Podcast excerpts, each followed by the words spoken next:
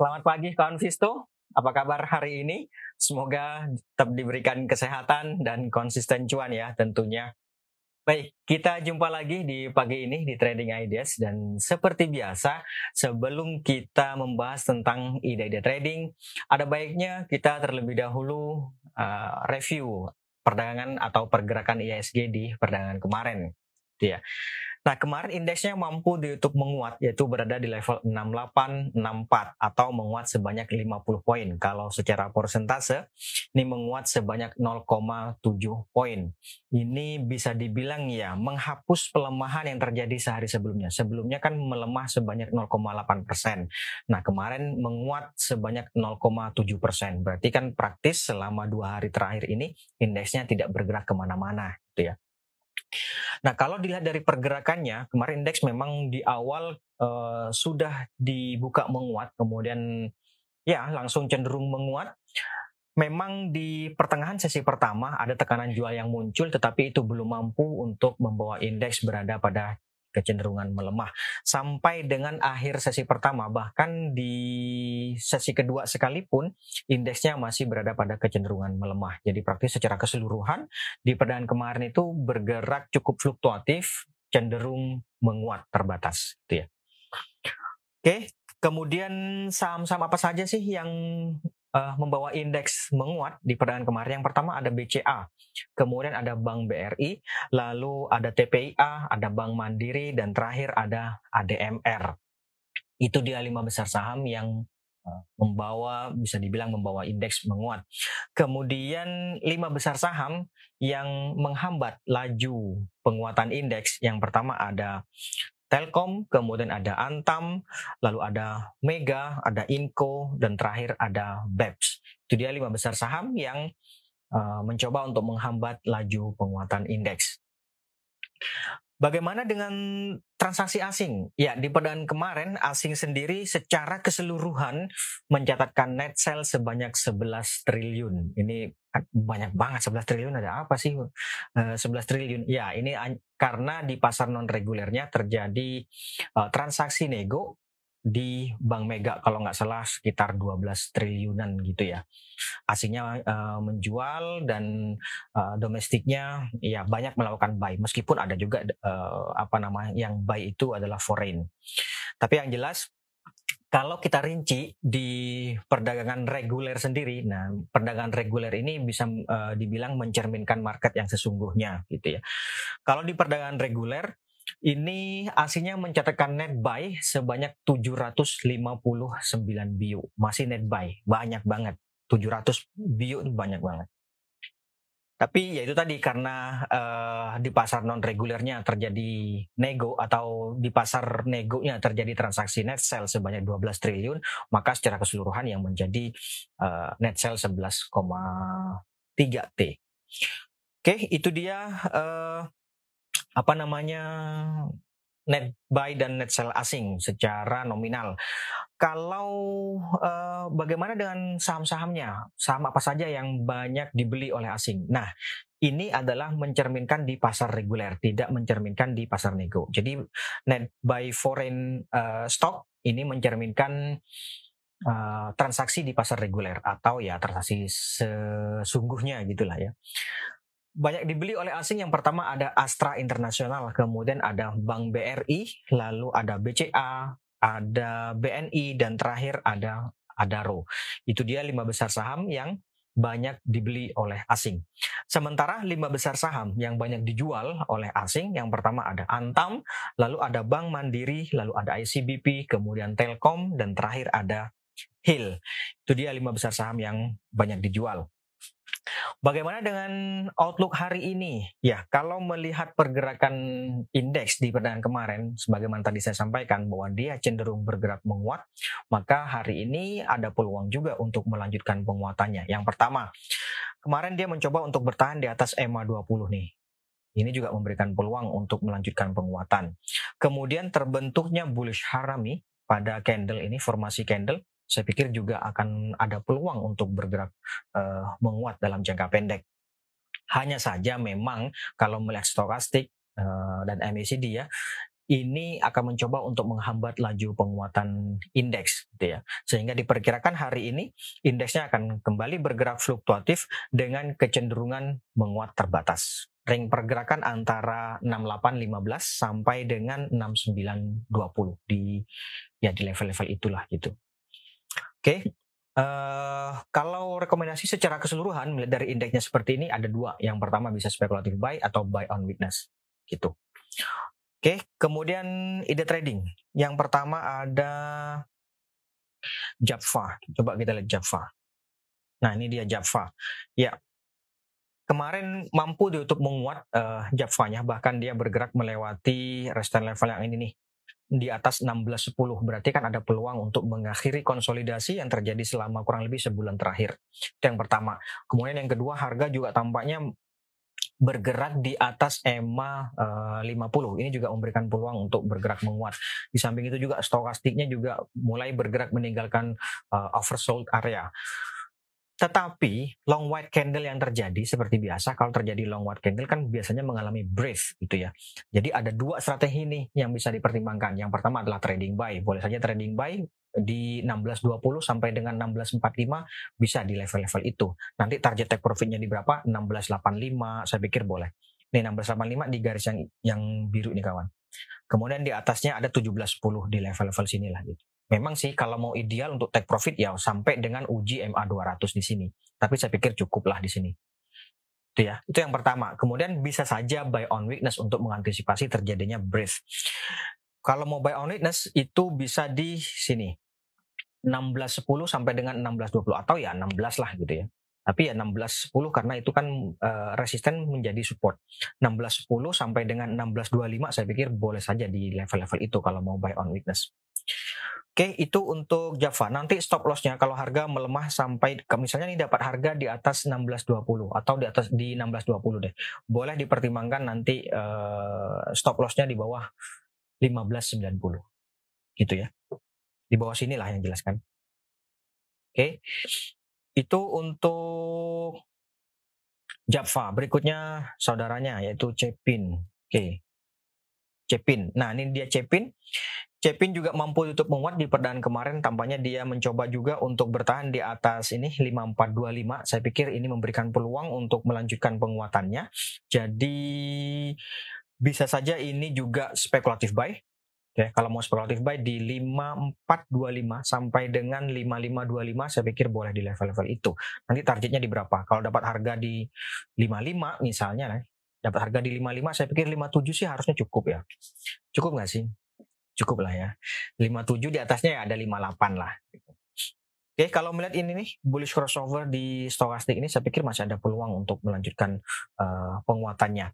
Memang di sini kan ini muncul nih namanya inverted hammer ya kan meskipun posisinya tidak sempurna tetapi ya itu menandakan uh, muncul dorongan beli gitu ya meskipun tetap masih dicoba dilawan oleh uh, uh, apa namanya sellers Oke, itu untuk Cepin. Stop loss nanti kalau harga melemah di bawah sini kawan. Di bawah 5.300 boleh dipertimbangkan untuk uh, keluar terlebih dahulu. Kemudian berikutnya ada ADMR. Nah, ini dia ADMR. Kemarin kan sempat bergerak melemah tuh ADMR. Kemudian dia bergerak menguat uh, di atas 16.30. Saya pikir uh, sekarang bisa dipertimbangkan untuk trading buy. Kemarin kan uh, bisa buy on breakout di atas 16.30. Harusnya sih kalau dapat harga di atas 16.30 katakanlah 16.35, 16.40, 16.80 ini sudah keluar sih. Mestinya sih bisa keluar kemarin gitu ya. Tapi kalau barangkali masih ada yang hold atau uh, masih ada yang coba-coba ikutan, saya pikir sekarang sudah trading buy gitu ya. Trading buy itu berarti kan uh, uh, resistennya sudah sudah dekat gitu atau potensial gainnya lebih kecil dibandingkan dengan potensial risknya gitu ya. Oke, trading buy bisa saja di 1665 atau 1670 sampai dengan 1680 saya pikir boleh di level itu. Nanti target take profitnya di berapa? Di sini kawan. Ini paling dekat nih. 17 berapa? 1750. Ya, 1750 kemudian di atasnya ada 1835 di level-level itu. Saya pikir boleh dipertimbangkan untuk take profit. ya. Itu untuk ADMR. Tapi bagi yang suka buy low sell high, ini harusnya sih nunggu gitu ya. Ini kan trennya up nih. Jadi ya harusnya sih nunggu lagi, nunggu di sini kira-kira. Gitu. Oke, itu bagi yang senangnya uh, buy low sell high. Tapi kalau buy high sell higher bisa juga ini untuk trading buy sekarang. Itu untuk ADMR. Kita lanjut. Ada lagi agak cepetan kali ya.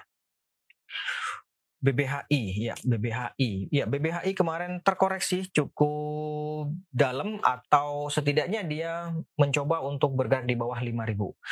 Nah, kalau hari ini dia mampu bertahan di atas 5000 boleh spekulatif buy, tapi kalau misalnya nih hari ini dia gagal bertahan di 5000 mending buang, mending keluar dulu deh kali. Gitu ya. Nanti ikut lagi kalau harga uh, di atas 5000 lagi gitu ya. Oke, yang jelas hari ini tampaknya masih mencoba untuk bertahan di atas 5000. Gitu ya. Oke, itu untuk BBHI. Kalau pelemahannya misalnya nih dia gagal bertahan di 5000 maka potensinya ke berapa? Nih. Saya pikir ini skenario terburuknya ke sini nih. Sejauh ini skenario terburuknya di sini. Berapa ini? 4450. 4450. Itu ya apakah nyampe hari ini kayaknya enggak deh kan uh, sudah di atas auto rejection ya ya nggak sih coba nanti dihitung ya oke itu untuk BBHI kemudian berikutnya ada BBYB kurang lebih hampir sama BBYB kemarin kan ditutup menguatnya uh, lumayan ya 5 poin jadi maksudnya sama sama dengan kemarin kayaknya kan kemarin sudah pernah disampaikan nih kayaknya yang jelas penguatan yang terjadi kemarin itu bisa dibilang menghentikan laju pelemahan yang terjadi selama sepekan terakhir. Jadi ini saya pikir boleh sih spekulatif buy untuk BBYB. Apalagi ini kan coba kita lihat ini bullish crossover juga pada stokastik di sini. Jadi spekulatif buy juga boleh ini. Kalau mau spekulatif buy ya bisa di 1970 sampai uh, 1960 sampai 1980 atau kalau mau confirm sebagaimana saya sampaikan kemarin belinya di atas 2000 gitu. Ya. Oke. Okay. Bisa spekulatif buy tapi kalau mau confirm ya uh, bisa di atas dua buy on breakout di atas 2000 gitu ya. Nanti jualnya di berapa? Jualnya nggak usah jauh-jauh sih di sini aja nih. Berapa nih? 2060. Dapat uh, 2000 jual 2060 itu sudah ya jelas sih untung masalah cukup enggak itu beda lagi nanti ya tergantung masing-masing oke itu untuk BBYB kita lanjut ada lagi DMMX DMMX ya DMMX cukup menarik sih memang DMMX sebenarnya kan mengalami konsolidasi selama beberapa hari terakhir. Kemarin dia mampu ditutup menguat dan tampaknya uh, membentuk formasi hammer meskipun ya bentuk tidak sempurna, tetapi ada muncul dorongan beli. Saya pikir bisa saja ini spekulatif buy. Spekulatif buy di 17.30 sampai 17.50 oke. Okay. Di level-level itu nanti targetnya di berapa? 1805 1805 ya cukup idealnya di sini kawan. Ini berapa nih? 1900 di level itu deh. Nggak usah jauh-jauh mainnya gitu ya. Oke itu untuk DMMX kita lanjut. Ada lagi Antam. Ya Antam saya pikir uh, sebagaimana kemarin diinfokan gambarnya sih sudah jelek gitu ya. Jadi ada baiknya dipertimbangkan bagi yang sudah punya dari sebelum-sebelumnya misalnya, ya nggak ada salahnya sih take profit dulu gitu ya. Kecuali mau pegangnya ya long term. Kalau mau pegang long term ya udah abaikan saja fluktuasi jangka pendek gitu. Tapi kalau mau manfaatkan fluktuasi harga, maka saat ini harusnya sih kemarin juga sudah dilakukan uh, penjualan. Karena ini tekanan jual muncul, di sini juga bearish crossover. Oke. Atau misalnya nih hari ini dia bergerak menguat. Antam misalnya nih hari ini dia bergerak menguat di atas 2740. Di atas 2740. Boleh sih spekulatif buy. Artinya kalau menguat di 2750 dapatnya ya itu boleh uh, uh, apa namanya? boleh masuk 2750 2760. Saya pikir uh, maksimal 2760 kali ya. Nanti uh, take profitnya di berapa? Kalau dapat harga di 2750 misalnya, bisa dipertimbangkan untuk take profit di 2830 itu yang pertama. 2830 kemudian 2890 tuh di level-level situ kawan. Oke? Okay. itu untuk Antam. Berikutnya ada Tech. Ya. Tekno. Nah, ini uh, melanjutkan penguatan yang terjadi sehari sebelumnya, tampaknya juga mencoba untuk bergerak di atas 3470 apakah sudah confirm kemarin karena close-nya 3500 saya pikir belum uh, lihat dua hari ke depan apakah dia mampu bertahan di atas 3470 ini kalau bisa ya berarti confirm uh, apa namanya break up di atas 3470 gitu ya Lalu strateginya seperti apa? Ini sih bisa saja spekulatif buy gitu ya. Kalau mau ya 3470 sampai 3500 itu boleh coba spekulatif buy di level-level itu. Kalau mau take profit atau nyari take profitnya di mana, maka saya pikir di sini juga cukup sih. 3800 sampai dengan 380 uh, eh, boleh dipertimbangkan untuk take profit di level-level itu. Ya. Yang jelas ini kan meskipun dua hari ini menguat, dia kan masih konsolidasi nih selama berapa hari terakhir nih. Uh, ya lebih lah dari seminggu gitu ya. Yang jelas lebih dari seminggu terakhir dia mengalami konsolidasi. Kalaupun menguat, dia akan coba uji resisten di sini nih. Ini cukup kuat. Memang yang di 3470 ini kan cukup lemah, uh, lemah ya resistnya. Yang cukup kuat tuh di sini nih, yaitu di 3820 boleh dipertimbangkan take profit di situ. Barangkali sudah punya harga, katakanlah di 3.200, 3.100, atau bahkan berapa, 3.200 sekalipun, kalau misalnya hari ini dia gagal bertahan di atas 3470 boleh sih uh, dipertimbangkan untuk keluar terlebih dahulu. Artinya 3470 itu dijadikan sebagai trailing stop. Gitu ya. Oke, berikutnya ada Arto. Oke, ini dia Arto. Ya, Arto kemarin ditutup melemah uh, pelemahan dua poin di Arto itu bisa dibilang melemah tipis ya.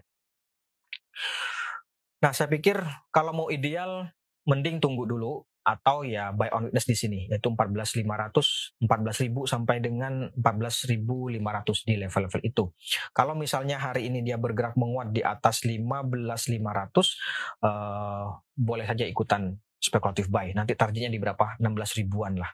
16.000 sampai 16.125 di level-level itu. Itu ya. Oke, itu untuk Arto. Kita lanjut. Ada Inovisi. Oke, ini dia Inov. Ya, sejauh ini tampaknya harga masih mencoba untuk uh, melewati resistance level yang ada di 230. Ada baiknya dipertimbangkan untuk buy on breakout.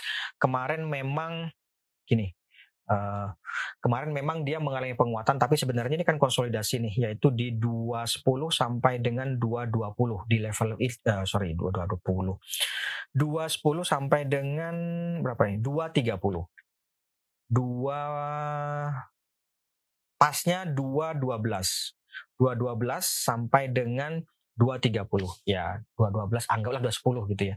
210 sampai dengan 230 Nah, konsolidasi di level-level itu. Maka menurut saya ini bisa saja buy on breakout. Kalau secara uh, apa namanya supply and demand ini bisa dibilang sudah masuk ke demand zone. Tinggal nanti kalau dia mampu keluar di atas demand zone itu kan berarti uh, apa namanya aksi sudah dilakukan gitu ya. Demand zone dari pola apa? Nah ini uh, rally base rally atau drop base rally gitu ya ininya. Ya kurang lebih gitulah ribet banget. Oke, jadi ini buy on breakout di atas 230 itu idealnya untuk inovasi. Kemudian berikutnya ada lagi sebentar. TNCA. Ini dia TNCA, sebentar saya besarkan saja. Ya, kalau melihat pergerakan harga di perdagangan kemarin, dia kan tampaknya juga mencoba untuk bertahan di atas 1060. Jadi idealnya sih buy on weakness 1060 gitu ya. 1060 sampai ya paling enggak 1080 deh kalau mau uh, ikutan ini. Tapi menurut saya sih mending tunggu dulu deh. kemarin memang mampu untuk menguat, tapi itu belum cukup untuk memunculkan adanya dorongan beli yang uh, mampu membawa harga melanjutkan penguatan gitu ya. Kalau misalnya nih hari ini dia bergerak di atas 11.35, bisa saja ikutan trading buy. Nanti targetnya di berapa? Targetnya di sini. Di uh, 12.05 atau 12 lah gitu. Cukup sih harusnya. Di atas 11.35 jual 12 itu cukup. Mestinya cukup. Beda kalau nggak cukup ya beda lagi. Tadi saya bilang bahwa idealnya ini buy on weakness itu iya, tapi kalaupun mau buy on breakout itu juga lebih menurut saya sih lebih baik gitu ya. Oke, itu TNCA, kita lanjut. Ada lagi multipolar. Multipolar. Ya, multipolar kemarin juga mampu di YouTube menguat. Saya pikir uh, bisa saja ini trading buy atau speculative buy saya besarkan saja. Ini dia. Yang jelas resistance levelnya paling dekat itu ada di 216. Jadi kemarin kan dia keluar nih atau bergerak di atas level psikologis 200. Jadi saya pikir spekulatif buy di 200 sampai 204 boleh-boleh saja. Nanti jualnya di 210 sampai dengan 216 di level-level itu. Itu ya. Oke, kalau ideal untuk take profit ya tunggu di, ya di sini sih di 230-an sih. Uh, itu idealnya. Tapi kalau mau main jangka pendek ya itu tadi. Oke, kita lanjut. Ada lagi BBHI tadi sudah, Antam tadi juga sudah. Kemudian Cepro. Cukup menarik Cepro nih saya pikir. Beberapa hari terakhir dia uh, banyak masih mencoba untuk bertahan. Sebentar.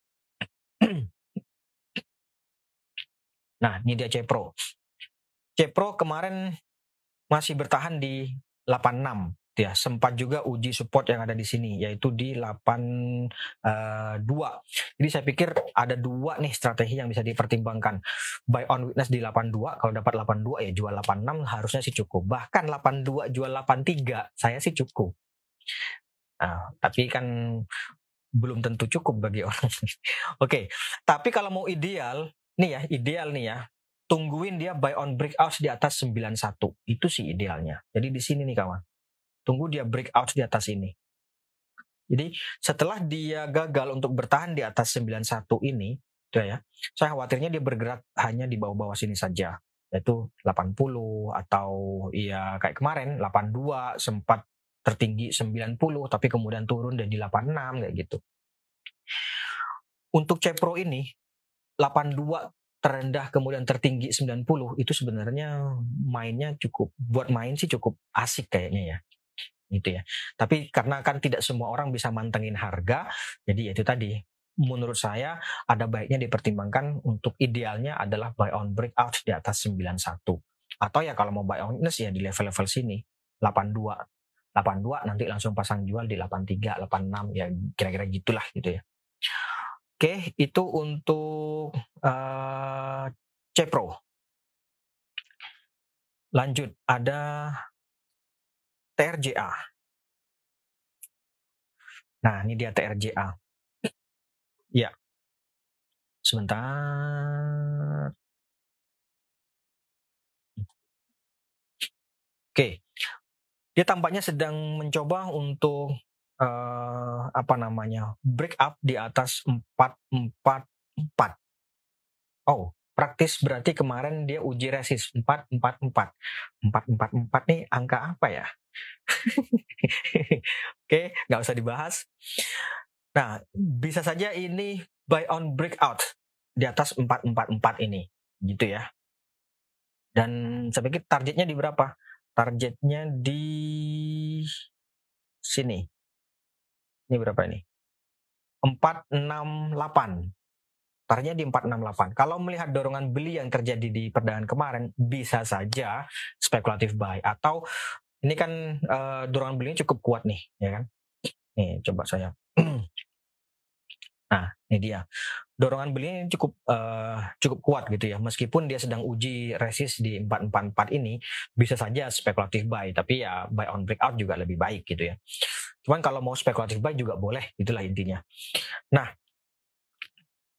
di harga biasanya ini kan baru terjadi uh, bisa dibilang satu kali lah gitu ya. Kalau kita uh, lihat ke belakang-belakangnya uh, saham ini biasanya terjadi long white candle atau penguatan harganya itu ya kurang lebih dua hari lah sebelum dia koreksi gitu ya. Jadi kayak gini nih, mudah-mudahan kelihatan. Nih, saat, yang ini satu, kemudian besoknya masih menguat lagi. Begitu juga di belakang-belakangnya. Coba saya geser ya. Nih, bisa teman-teman lihat di sini nih.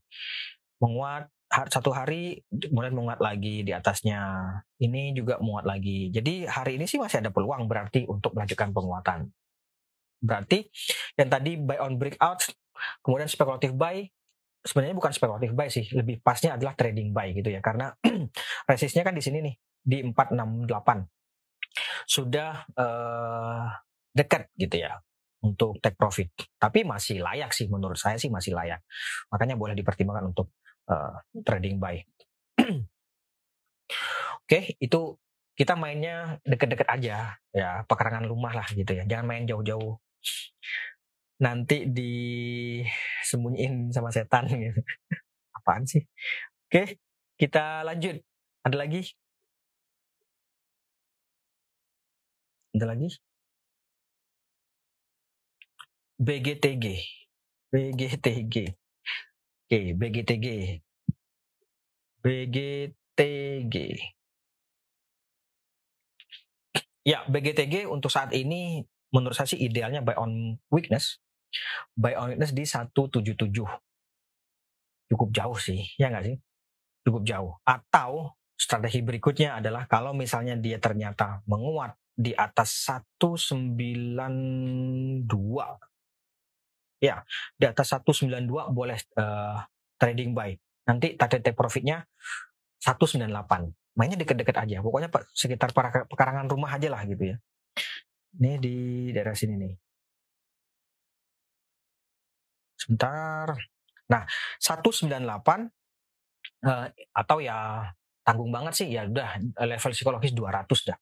200 198 198 aja sih. 198 204 itu ininya.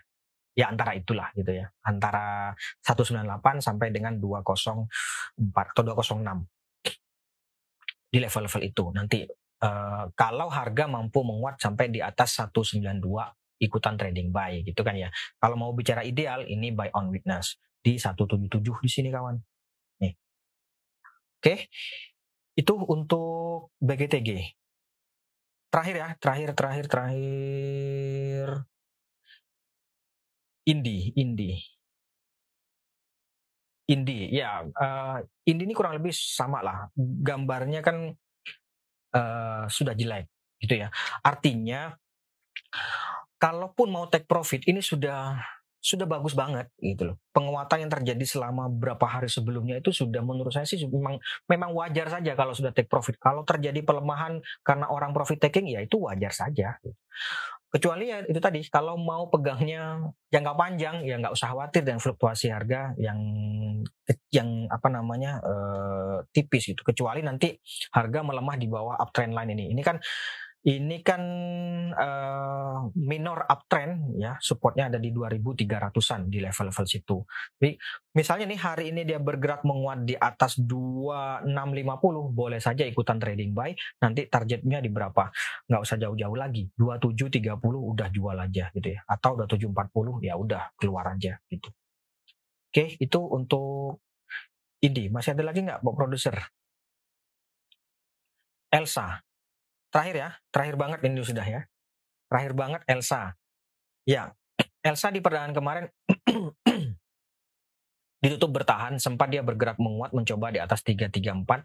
Kalau sudah punya ya ada baiknya sih menurut saya dipertimbangkan untuk take profit dulu aja. Amankan uh, keuntungan gitu ya. Tapi kalau baru mau masuk boleh buy on witness kalau mau ya di 308 atau di 314 di level-level itu 308 sampai 314 gitulah ya. Nanti target take profitnya berapa? Ya kalau dapat harga 308 bahkan closing hari ini 326 boleh uh, take profit. Atau 3 dapat 308, 320 aja boleh take profit gitu ya. Itu yang pertama. Yang kedua, kalau misalnya harga bergerak menguat di atas 334 ini, ya silahkan trading buy tapi artinya risiko sudah mulai tinggi. Risikonya lebih besar dibandingkan dengan potensial uh, returnnya gitu ya. Nanti target take profitnya di berapa? Di level-level sini kawan. 342 gitu ya. Artinya dengan closing kemarin berarti resist terdekat itu ada di sini yaitu 334. Kemudian di atasnya ada 342. Kurang lebih seperti itulah. Oke. Saya pikir itu dulu mungkin kawan Visto untuk hari ini. Kita jumpa lagi besok. Terima kasih atas kehadiran dan partisipasinya. Tetap jaga kesehatan. Dari saya, selamat pagi dan salam investasiku for better tomorrow. For better tomorrow.